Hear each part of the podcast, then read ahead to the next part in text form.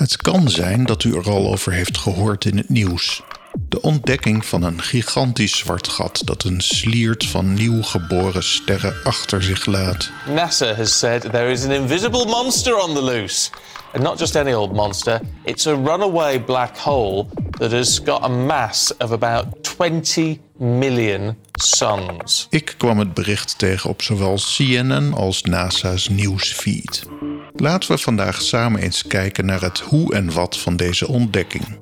Het officiële artikel hierover heeft als titel A candidate runaway supermassive black hole identified by shocks and star formation in its wake. van auteur Pieter van Dokkum en een hele lijst collega's. Het verscheen op 6 april van dit jaar in The Astrophysical Journal Letters. Het is een open access artikel, dus u kunt het gratis raadplegen als dat u pleziert. Een link vindt u uiteraard in de show notes van deze aflevering. Oh, gelukkig.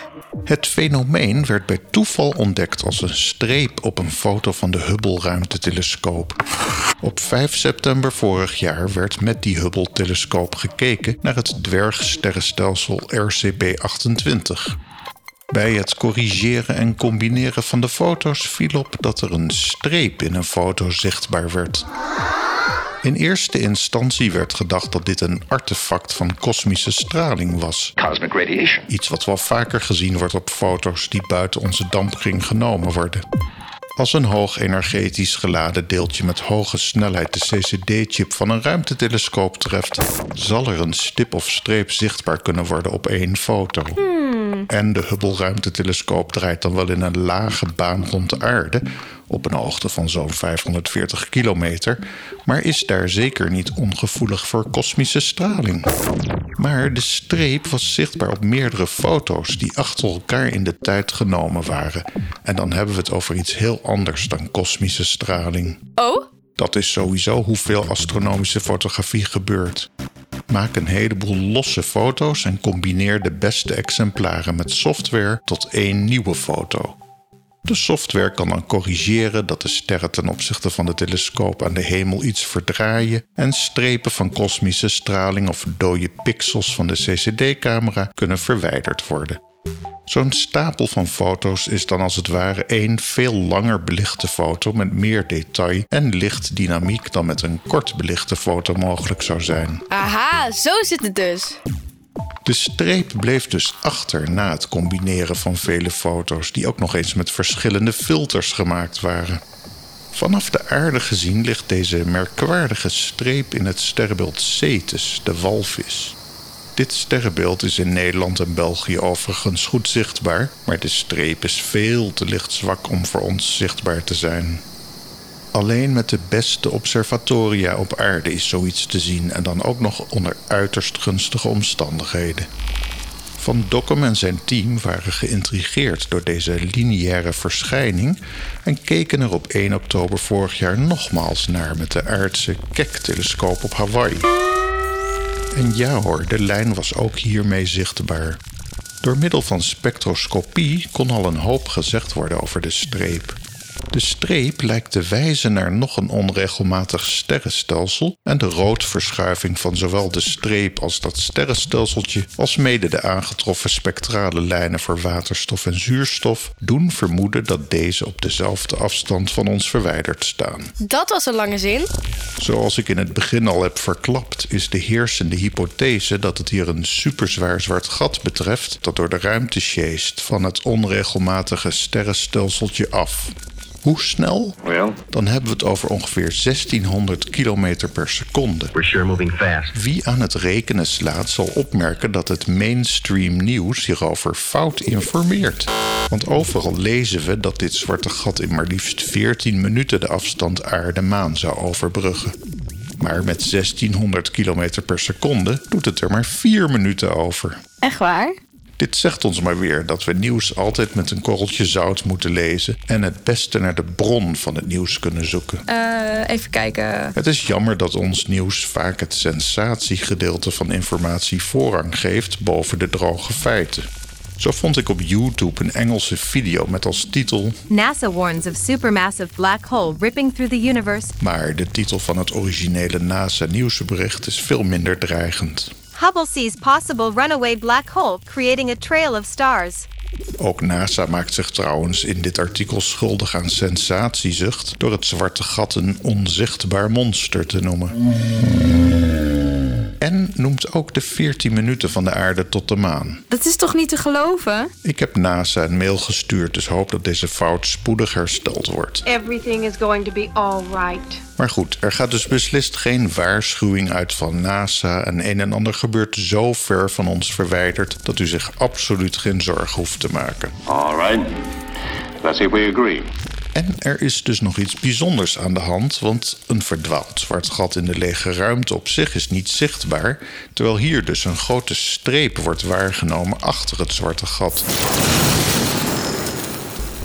Deze streep is in werkelijkheid zo'n 62 kiloparsec lang, oftewel 200.000 lichtjaar. Ik weet niet of het daar echt duidelijker van wordt. En deze streep bestaat uit stervormende regio's, waarbij daadwerkelijk aanwijzingen zijn gevonden dat de regio het dichtst bij het zwarte gat het jongste is. Dus wat is hier aan de hand? We weten dat het heelal niet overal leeg is. Het superzware zwarte gat ploegt met grote snelheid door het daar aanwezige interstellaire gas, waardoor er een schokgolf ontstaat aan de voorkant van de beweging. Het researchartikel van Van Dokkum noemt dit gas ook wel het circumgalactic medium. We hebben het hier dus over gas dat aanwezig is in de buurt van een sterrenstelsel. Ja, dat is logisch. Niet overal in het heelal is de gasdichtheid hetzelfde. We zien duidelijke stervormende regio's, maar ook plekken van grotere leegte, de voids, waar we het in het verleden in deze reeks verhandelingen al wel eens over hebben gehad. Een deel van deze circumgalactische materie op de route zal allicht door het zwarte gat verzwolgen worden, maar als een speedboot die door het water vaart, ontstaat er ook een straalstroom van gas achter het zwarte gat. En dit is bijzonder genoeg een impuls voor de formatie van jonge sterren. We zien hier dus dat een zwart gat niet alleen maar gezien kan worden als een allesverzwelgend monster, als een stofzuiger van kosmische omvang, maar ook juist als de initiator van nieuwe sterren en daarmee onherroepelijk ook nieuwe planeten. Op de genomen foto's is zoals gezegd ook een enigszins misvormd sterrenstelsel zichtbaar. De hypothese van Van Dokkum en collega's is dat hier miljoenen jaren geleden drie sterrenstelsels zijn samengekomen als gevolg van hun onderlinge zwaartekracht, elk met hun eigen superzware zwarte gat in het centrum. In het touwgetrek van de onderlinge zwaartekracht wat erop volgde, is één van deze superzware zwarte gaten weggeschoten uit het sterrenstelsel om met hoge snelheid door het interstellaire medium te gaan reizen en tot de geboorte van nieuwe sterren te leiden. Dit is de allereerste keer dat dit fenomeen is waargenomen, maar astronomen gaan ervan uit dat het vaker zal voorkomen. De in het oog springende visuele verschijning, een streep van sterren, maakt dat zoiets op toekomstige foto's redelijk gemakkelijk te herkennen zal zijn.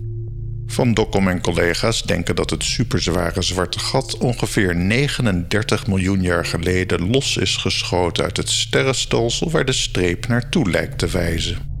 Als we de lengte van de streep delen door deze tijd, komen we ook uit op een snelheid van bijna 1600 km per seconde trouwens. Ja, schiet nou maar op. We lezen gelukkig ook nog wat voorzichtigheid in het artikel van Van Dokkum over het principe waarmee interstellair gas een schok ondergaat die tot stervorming leidt. Wat waargenomen wordt is een heldere knoop van geïoniseerde zuurstof dicht in de buurt van het zwarte gat. Deze kan ontstaan door de schok die het zwarte gat veroorzaakt door met zo'n hoge snelheid tegen het gas te rammen. Maar als alternatief, het zou ook kunnen zijn dat een en ander ontstaat door straling van de accretieschil die om het zwarte gat aangetroffen wordt.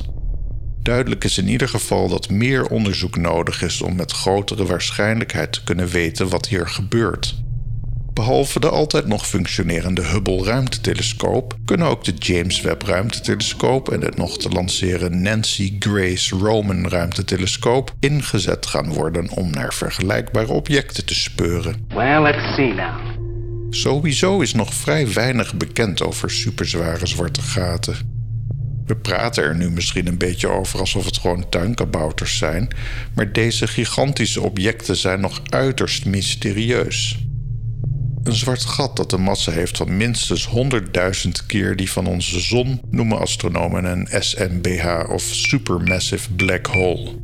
Als onze fantasie op hol slaat of wij te veel mainstream nieuws tot ons nemen, dan zouden we misschien gaan denken dat het hele heelal uiteindelijk verzwolgen wordt door dit soort altijd maar groeiende zwarte gaten.